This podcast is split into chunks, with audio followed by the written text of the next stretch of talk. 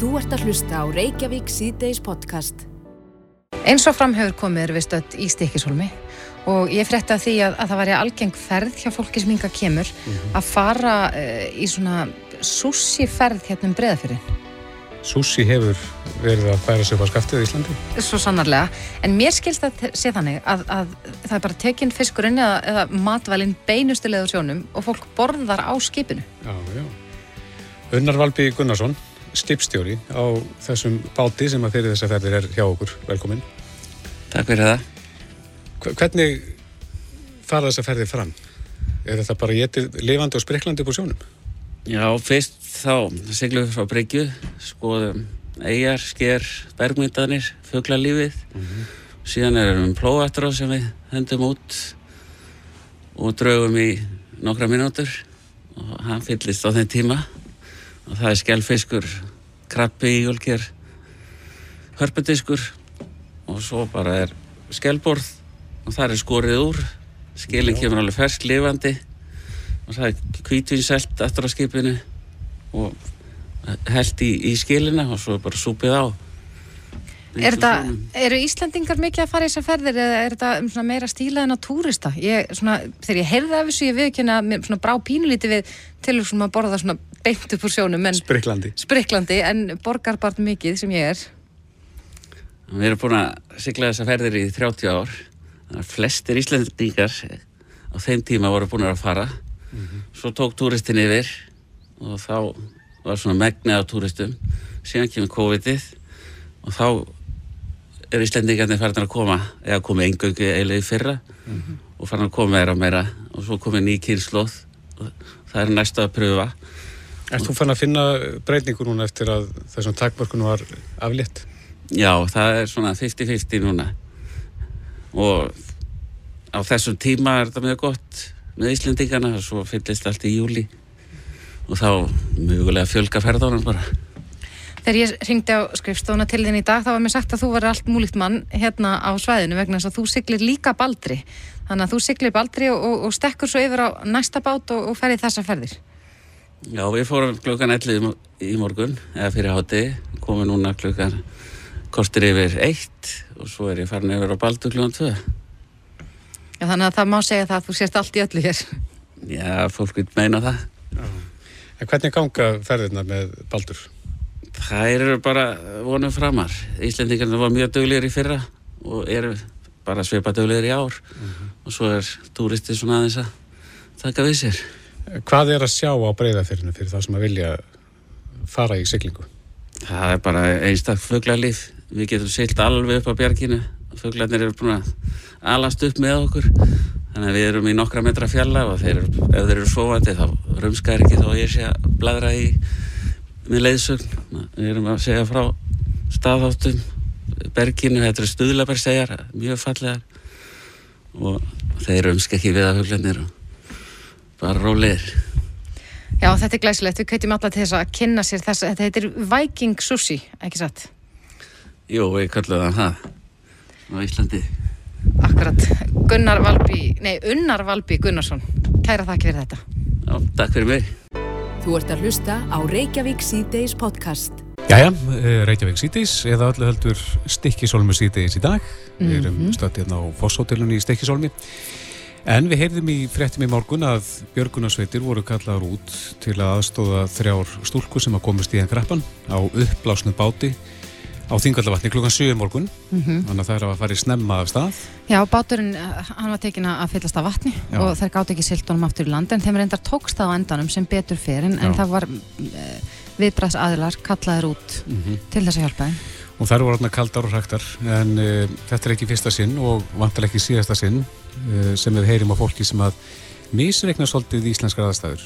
Mm Heldur að þær séu aðrar en þær í raun eru. Já, við heyrðum í, í hátegisfréttum bylgjunar í, í þjóðgarsverði sem að, að tala um að vatnið er ofbáslega kalt og uh, það, það, þó að það líti kannski út fyrir að vera mjög stilt og gott að, að þá er það ekki svo og þetta á ekki bara við um þingallavatn, það eru fleiri staður á landinu sem að, að hlutinir líta nokkuð svona rólega út á yfirborðinu Mm -hmm.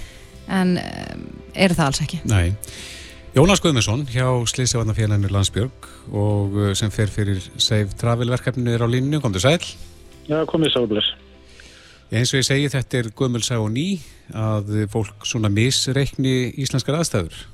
Já, það er þannig og oft er það nú tengt vötnum vegna þess að, þegar að veður getur verið ágætt og það eru stillur að, þá er þetta fristandi, fallið náttúra og það er svona vatnið er svolítið tósar og þetta gerist af og til því miður og, og stundum fer það illa en það fór sem betur fyrir vel í morgun þó ekki mátti kannski miklu muna. Mm -hmm. Hvað þurfum við að hafa í huga og það eru kannski ekki bara vötnin sem að, sem að toga í og geta reynst hættuleg Hva, hvað þurfum við að hafa í huga sem að gagvart íslenski náttúru og sérstaklega þessum tíma kannski? Já, sko það er fyrst og fremst kannski tveir þættir sem við verðum að hafa í huga það er auðvitað búnaðurinn og svona uppblásnir bátar sem eiga kannski þrökar heima við sólastrendur eða í sundlegum eða eitthvað þessotar, þeir eru góðir þar en þeir eru ekki heima á íslenskum vötnum sem eru eins og einar kominn á þjóðgóðsverðir í hátteginu ísköld og þingvata vatn en nú ekki, ekki hlýrða en, en, en flest, sko, það er ískalt vatnið þar. Þannig að það er búnaðinu þarf auðvitað að vera bara réttur og í lægi og svo er það auðvitað bara þessi sífældu breytingar á aðstæðum og veðri hér á landi sem að koma fólki oft í krappan. Og bara mm -hmm. gerist af sér satt og við sjáum þetta akkurat aðar vel bara þessa myndir að, að við erum að sjá myndir frá landverðum upp á hálendinu þar sem þeir eru að byrja að laga stíl og gera klart fyrir okkur og, og 50 um setna þá er sami staður og kafi snjó sko, eitthvað er 5 cm snjóalag þannig að, að við erum bara, við búum á þannig staðir og þannig staðsett á, á jarðarkúlin okkar að aðstæður og veður breytist hratt Já Þetta er nú kannski frekar óvenjulegt að sömari fer nokkuð hægt af stað núna og maður sér það að maður fer inn á safetravel.is að það eru sko viðvarnir gildi eh, á hortströndum sem er nú algeng gönguleið að, að sömri til og á fimmverðuhálsi. Er, já, sömarið senkt á ferð? Já, hvaða sömar segir ég nú bara? Það er hérna, það er bara varla komið ef, að, ef maður á að leifa sér að, að slengja því fram sko það er tölurverði snjóra hálendin ennþá og, og til dæmis bara á laugaveginu sem er nú einn vinsalasta gungulegin okkar að það er snjó meir og minna bara frá brennisleisöldu sem er nú næstu inn í landmannlegum og alveg fram hjá rapptinuskeri og niður brettu brekkuna í ökultunguna niður alltavatnir og það, er, það er í meira lægi og, og þú vitnar í hotstrandir og það er alveg rétt að hellingasnjó þar og, og svo er bara þessi kuldi. Og þegar við erum að ferðast í svona kuldi eða út á vötnum eða eitthvað svo leiðis að þá þá þarf bara miklu minna til að, að, að allt fari í vaskin sko, vegna þess að, mm -hmm.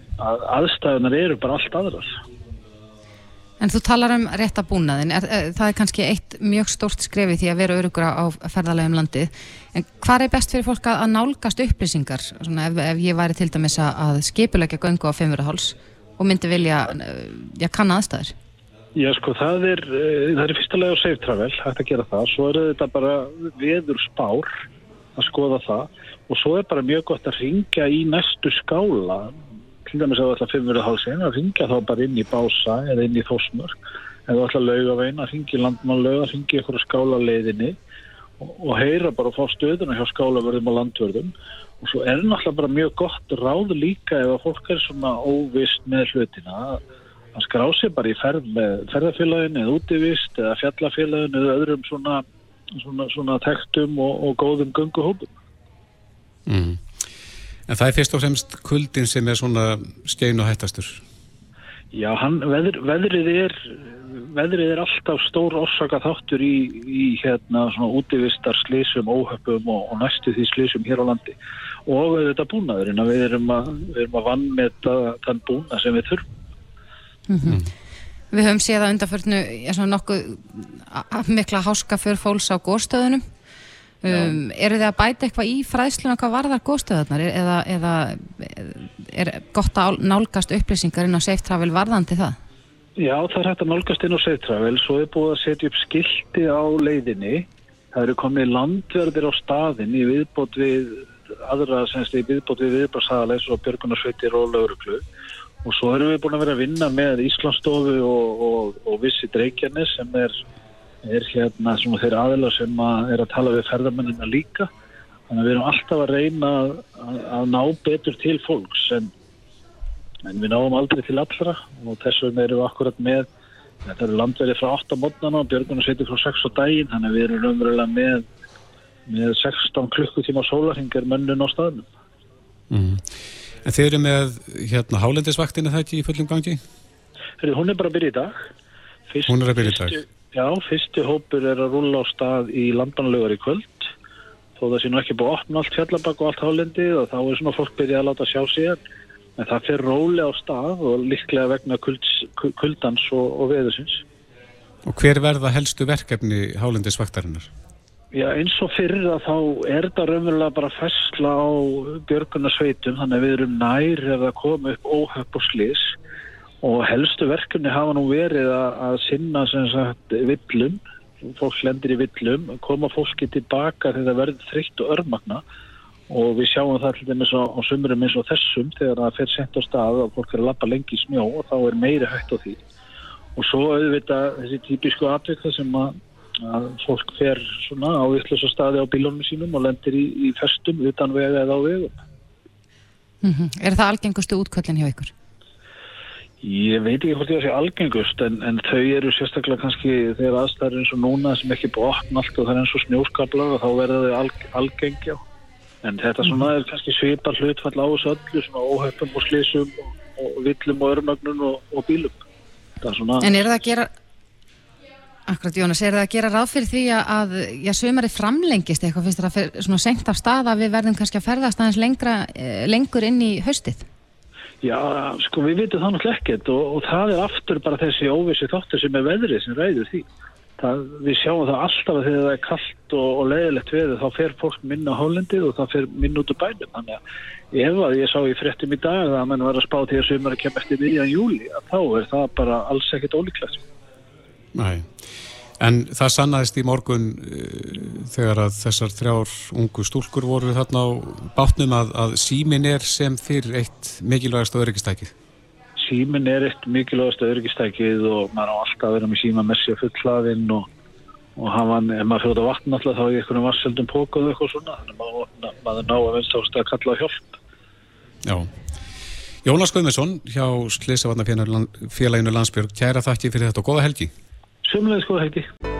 Hlustaðu hvena sem er á Reykjavík C-Days podcast. Já, Reykjavík síðdeis eða Stikkisólmur síðdeis. Eh, Ég sé hér að menn er að reyna ímislegt til þess að komast í heimsmyndu og Guinness Já, og það var maður í Nebraska sem að tókst það núna fyrir skemmstu síðan en hann ætlaði að setja heimsmynd í að stökkva nakin út úr flugvel, það er að segja með ekkert á sinni nema fallið og til þess að gera það, þetta er sem sagt uh, tímaraminn voru 24 klukkutímar og, og, uh, og hann uh, náði að setja nýtt heimsmynd, stökk 60 sinnum, 60 sinnum úr flugvél á 24 klukkstundum, já, nakin. nakin. Þannig að ef ykkur vill reyna við þetta heimsmynd þá er það bara hægt núna mér finnst alltaf merkilegt að heyra hvað fólki dettur í hug. já, En við kannski byggðum til fólks ekki að prófa þetta bara sjálft. einmitt kannski að vera með fagmenn sér við hlið. Já, akkur, ég, ég ger nú ráð fyrir því að fagminn myndu reyna við þetta Já, ég býst við því. en uh, hann notaði tækifærið og safnaði þarna fyrir gott málefni Já, gott að heyra. En við kerðum hingað í morgun og uh, þá blasti Snæfellsjökull við okkur, Já, fallegur, baðaðu sól algjörlega, óbáslega fallegur. mm En uh, Snæfellsjökull er, já, það er svona eitthvað svona dölmagn yfir honum og það hefur ímyndslegt verið svona að bendla við hann geimverur og, og svo þetta er, er fræg bók eftir uh, franska rithöndin, ég held hans alveg örgulega franskur Sjúl Vern sem heitir Lindardómar Snæfellsjökuls og það var nú gerð bíómynd eftir því og, og það er svona ímyndslegt áhugavert við þennan jökul Já, margt sem á að leynast þarna undir algjörlega. Á línunni hjá okkur er Jón Jóel Einarsson sem er frumkvöðl í vistvætni ferðarþjónustu eh, og er hérna að vestan. Kom til sæl. Já, komið sæl. Já, hvað er það við Snæfellsjökul sem gerir hann svona, svona áhugaverðan? Það er ekki bara eitt, það er svo fjölmart í raun og veru. En e, það er til dæmis, e, já, það sem að heillar og hefur gert í gegnum áhundriðu faktíst, það er, það er e, hérna, formið á fjallinu, e, hvernig það stendur þarna á enda leysins og tignarlega með, með jökul og hérna, þetta fjall hefur náttúrulega heillað eh, marga bæði listamenn og, og, og alltíðmenn. Svo það er, það er ekki bara eitt, það er margt. Og til dæmis mm -hmm. eru hérna fólk sem býr hérna á Reykjavíkursvæðinu og Faxafláarsvæðinu það, það sækist eftir því að hafa útsýni út til jökulsins og, og hérna það er það er hefur áhrif á fastegnaverð með þess að þannig að það er eitthvað, eitthvað alveg sérstaklega. Já, það er margir sem að trúa því að, að það, það bú einhverju kraftar í, í þessum jökli. Hvað, hvað er það? Akkur, akkur er þessi trú manna svona sterk? Eh, já, það er sennilega fyrir, fyrir formið á, á jöklinu, hvaðan stendur svona keikur þarna, en eh, það er náttúrulega ymsar sögur um það hvað, hvað er það sem er sérstakt. Eh, það er til dæmis einn sem að er náttúrulega íþægt og, og gömul. Það er sagan að, að Bárði Snæfisás sem að mm. á að hafa gengið í jökulin og uh, og sér það er enn. Og, uh, og er já, er, er svona vendari svæðisins mm -hmm. En það var nú akkurat, það var uh, margir sem komu átna saman þann 5. november 1993 byðu í kvölda og jælja gangi eftir að gemveru litur sjá sig en þær hefði bóðað komu sína að jöklunum þetta kvöld Manst þú eftir já. því þegar þetta átti sér stað?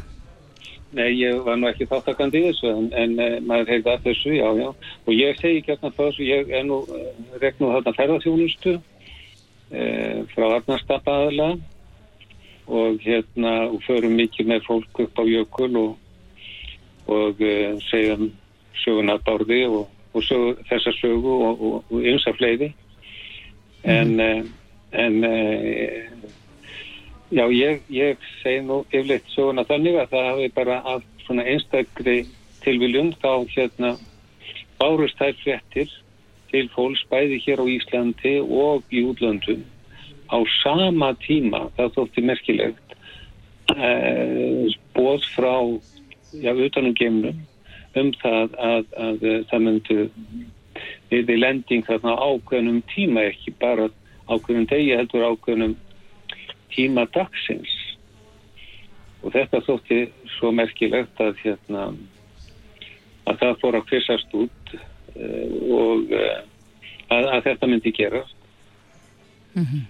Og hérna það var nú einsins sem hjálpuðu vel í, til í þessu hér heima það var nú að segja samfélag á helnu sem að ítti svolítið undir svona ummyndir mm -hmm. en ekki síst líka hann skúli Alessandursson sem að sem að hérna sveitarhauðingi þarna á hellisandi sem að sá í þessu tækifæri til þess að vekja aðtýrlega á sveiðinu og hann hjálpaði mikið við það að, að íta undir þessa, þessa sögu að, að þetta stæði til.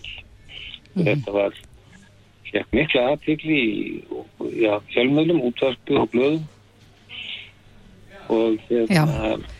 já, það er sem sagt á þessum ákveðna degi sem að var þannig byrjun november, ég maður ekki hvaða dag nákvæmlega, en þetta var sem sagt þá síðdeis þegar komið var miskur þá því þá sjást betur náttúrulega. Og hérna það sapnaðist það voru rútu hlöss af fólki sem var kert þarna vestur og bæði Íslandingar og útlendingar. Og hérna og fólki beigð og beigð og beigð mm -hmm. og hérna lítið gerðist.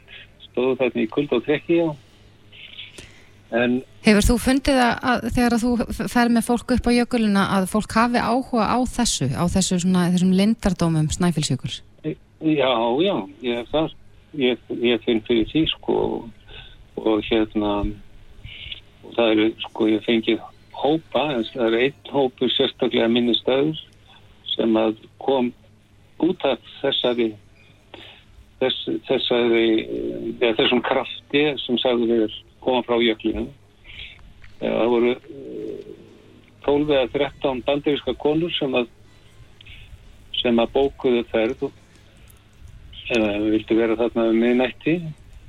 Og báðu jafnframt um að fá tíma, uh, svona cirka klukkutíma uh, stund þarna uppi sem þið ætla að nota í, í já, tilbeðslu innra já og hérna þetta var náttúrulega bara sjálfsagt að hjálpaði við þetta og þær komu og við fórum þarna upp, það náðu ná ekki allalega á toppin reyndar en við vorum heppinni vefur og, og miðnætur sól og, en hérna þegar við náðum þarna upp fyrir þrýhetningin í cirka 1200 metra hæð þá hérna söfnust allir saman í þing og sumar tóku upp hérna tóku upp uh, svona gerfi eða kápur sem það setti yfir sig og, og, og við heldum í hendur og hver og einn fór með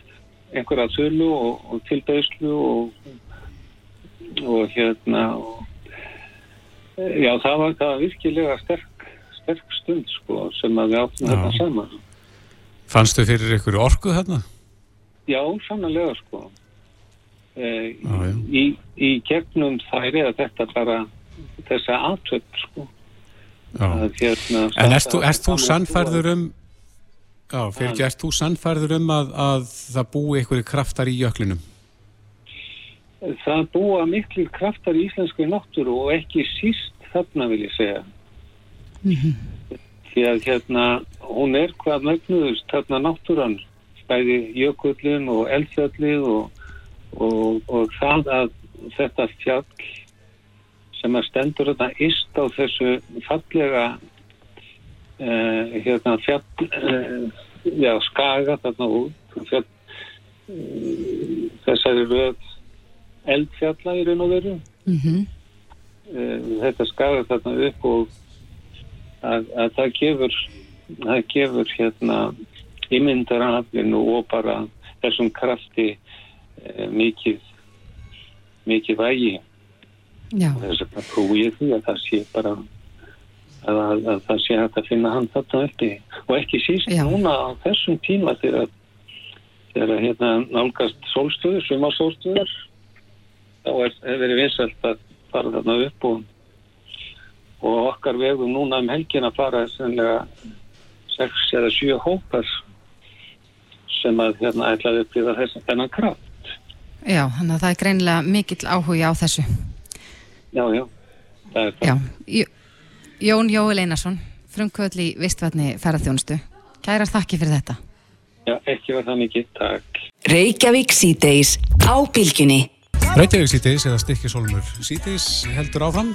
Uh, hér segir í einum móla dagsins að af könnun þar sem að bandaríkjaman voru spurðir hvaða áratugur, eða ára, já, áratugur er besti tónlistar áratugur frá upphafi.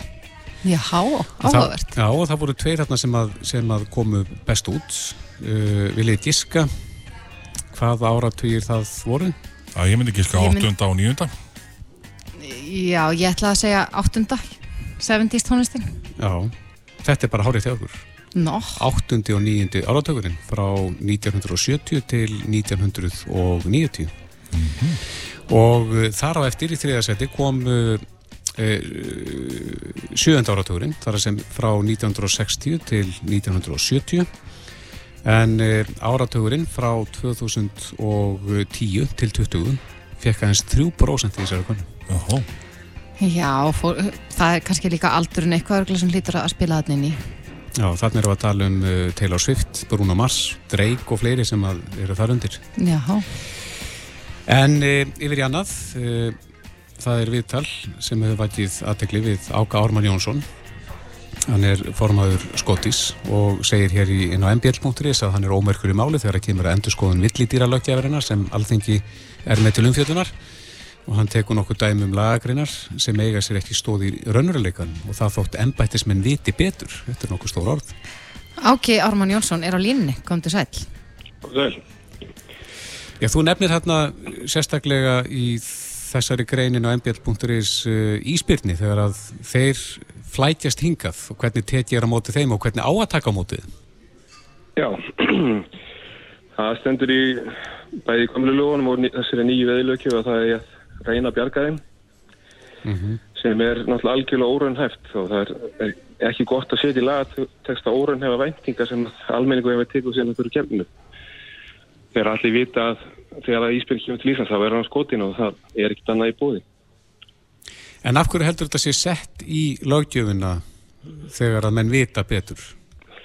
Í grunar þessu svona hræðsla við það að bakka sko með svona ákvörðun að textin er svona í, í gömlu lögunum og ef þú breytir honum í nýju lögunum að þá er þetta sé eitthvað stefnubreiting og þá fer það kannski öfugt ofan í fólk sem að trúir því að sé hægt að, trú, að bjarga íspjörnum frá Íslandi.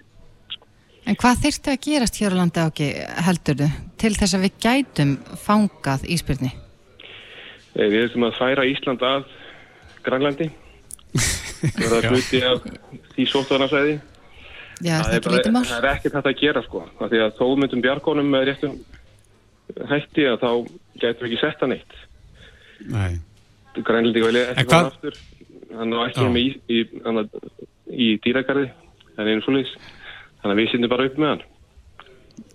En svona ef við ættum að fara eftir uh, lagabókstafn og því sem stendur í löggjöfinni, hva, hvað, hvað þyrftum við að gera? þá hérna það kom nú hérna vísendikona frá Alaska þegar ég var veiðstjóri fyrir norðan og og hún sá um að bjarga íspjörnum í, á því sæði og hún sagði þeirst að vera með svona tvo hópa, þess að tvö teimi sem væru þá dýralæknir og þyrlu annar sveit og allt það sko sem er það að æfa okkur svona fjóra-fimm vikur á ári. Og helst að bjarga fjórum til tíu íspjörnum árið til þess að þetta myndi sko hafa eitthvað upp á sig. Þannig að þau missa alveg 10-20% af íspjörnum sem þau reyna að bjarga þar þó að þau séu mm alveg þessu. Og það er alltaf aðalmálið það áætla stærð dýrsins þannig að þú veit að skjóta í að pílu að 30 metra færi sem er mjög erfitt að komast að ná í spinni og hún þarf að hafa alveg rétta magnið af seflífi til að drepa hann ekki. Og full á nýspunni af bílunni 350 til 700 kíló. Og það má kannski skeika frá 25 kíló þannig að þetta er, þetta er mikið nákvæmni sinna og mikið þjálfun sem að það þarf til. Þú talaður um að þyrstum þá að fanga já, frekar mörg dýra ári og, og þegar að, að íspjörn kemur hér á landa þá er það þetta alltaf í fréttum. Og þetta er nú ekki mörg dæmi. Þekkir að hversu margir íspjörnir hafa komið yngar undanfjörðum árum? Það komu tveir hann 2008 manni og 2010, 11 og 16 ef ég mæna þetta rétt þannig að þetta eru þá fimm íspinnir á síðan sko 1995 af því ég var hér veiðstjórnabæði 1995-2008 og þá kom engin íspinn með en ég var síðan tók einhver aðri við og þá fórum við hannast inn sko. Mm, já. En uh, hafa komið fleiri íspilnir til landsins heldur en okkur er sagt? Það fyrir nú sögum að því sko að það er feldur íspjörn hérna sem að var aldrei sagt frá Af ótta þá við, við Við- hróp og köll eða? Já, við almenni sálitið Já, já. En áki er að þínu viti eh, fleiri svona dæmi? Þú talar um, um þessa villidýra löggjöf, er, er, er fleira í þessari löggjöf sem að já, þú setur út á? Já, við seg, gerum 83 ára aðtöðasendir þannig að hvað er langur þátturinn í Já. okkur? Getur, nefnt okkur brotað í besta? Já, það er til dæmis að við erum ennþá að halda veið skotarnáskið á vegum hins ombera Já, meðan að í Skandinavíu það er sjá sem skotuði félugin um námskeiðin, sem veiðmenn uppfraða veiðmenn og þeim finnst alltaf jafn skrítið þegar komið til Íslands að, að þetta sé ekki svona líka hér, hér á landi e, og, og síðan er fleira þannig að það er ekki að taka þér tekin inn í inn í hérna veiðikvæðakefið Mm og síðan Hvað líka- var þetta ekki að tökuna? Það þurfa allir að vera með veiðikort sem ætla að týna egg. Og ykkur finnst Og- ykkur, þetta ekki eiga heima þar? Nei, það okkur finnst þetta að vera orðið komið út í. Það er allir lagi kannski að gera samninga við einhverja sko, stórtæka eggjatökumenn sem er að fara reglulega í, í björg. En mm. almenningu sé að fá sér veiðikort að týna tvö gæsaregg, það ég sé það ekki fara að gera sko. Og þá færðu óraunhæfar tölur út úr þessu sem er ekki réttar og í hvað að nota sér gott sko. Það er bara, þetta er ekki, ekki góð tíma. En hvernig hefur verið í sko, skotveiði, manni finnst eins og, og sko, ég, ætla alltaf að sjá fleiri og fleiri eh, stunda þetta sport Eh, er, að- er að bætast í hópin hjá ykkur? Það bætist í hópinu á skotis en heildarfjöldi veiðmanna er ekki að fjölgar ekki. Sko. Það er alltaf þessi sami á hverju ári sem endur nýja veiðkortin sín. Það er svona 11 til 12.000 sem gera árlega og, og meðal aldur veiðmanna hefur hækkað um 8 ár síðan 1995. Mm Segur það að menn eru líka að fara bara setna á þetta námskið og ná sér réttindi. Já, akkurat.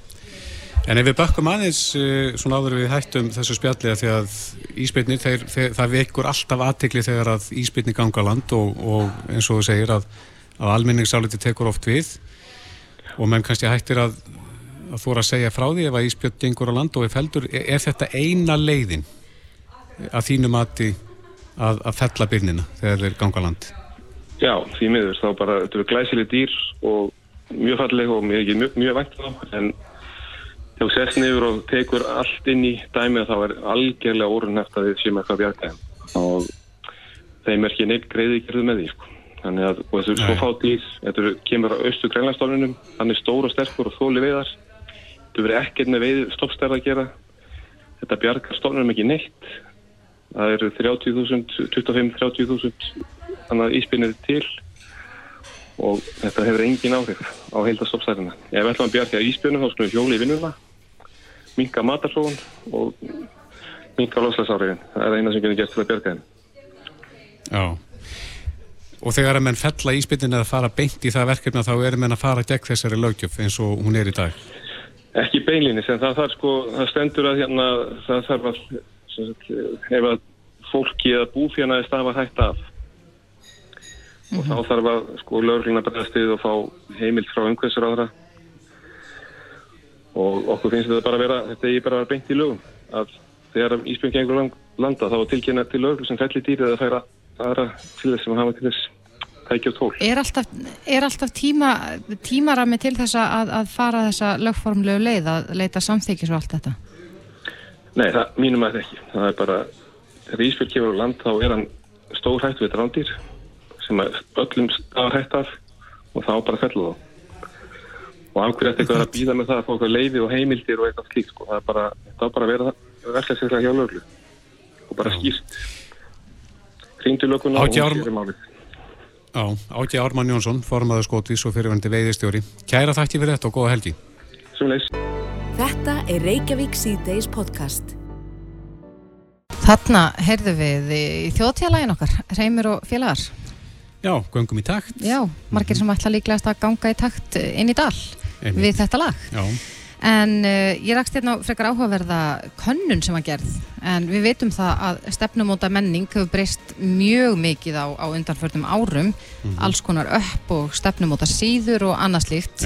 En uh, samkvæmt þessari könnun þá, þá segja 65% þeirra sem svara að það sé hægt að verða ástfangin af mannesku án þess að hitta hana í eigin personu Já, er þetta táknum breyta tíma? Ég held það, að það sé að verða ástfangin án þess að hittast uh, og svo segja 91% þeirra sem að svara að það er ekki lengur uh, svona uh, skammarlegt að kynnast maka sínum á uh, netinu Nei. að það hafi verið svona ákveðin, ákveðin fordómar fyrir því en, en að það sé ekki lengur þannig og, og það er spurning hvort að koronaviru faraldurinn hafi já, spilað eitthvað þannig inn í fólk var svolítið ítt út í það að hætta að fara á veitingastæði á stefnumóti eða bíó eða hvað sem er og, og bara inn á e, þessa stefnumóta síður og upp Er þetta nýjar kynslu sem að eru bara að tilhinga sér nýjar hluti? Já, ætli það ekki. En síðan hef ég líka hert ímsar sögur af, af eldra fólki sem hefur kynst með þessum hætti. En eh, nú, það er Íslenskt stefnumóta app sem heitir Smitten, en það hefur núna fengið berundu báða vangi fyrir útrás í Evrópu eftir að hafa lokað 330 miljóna króna fjármögnun. Og þetta er, sko, ég man eftir því þetta app kom út, þetta var í lok síðasta árs eða eitthvað tíman síðasta haust og það sko flyktust þúsundir Íslendinga inn á appið bara á fyrsta degi. Já, já. og þetta er app sem er kannski líkt Tinder en með svona meiri svona leikja ívafi held ég. Á línunni hjá okkur er Davíð Örn Símanusson hann er einn af stopnendum stefnumóta appsins Smitten, kom til sæl Já, komið sæl og blessu. Já, til hamingju með þetta, þið voruð að, að ljúka þarna eh, 330 miljón krónar fjármögnun hvað ætlið svo að gera við peningin? Já, takk fyrir það. Já, nú er bara, nú er fjörið eiginlega bara rétt að hefjast. Eh, eins og komst inn á þá gáðu út þetta app núna í loksíðast ás eða í byrjun oktober og síðan þá hefur það bara gengið rosa vel hérna á Íslandi og núna er bara næstu sem sagt að reyna að fara að marka setja appi Erlendis og að við getum ekki hægt og bítandi tekið yfir heiminn og, og leift fólki að hafa svona almennilega gaman af því að vera inn á þessum stefnmóta öppum.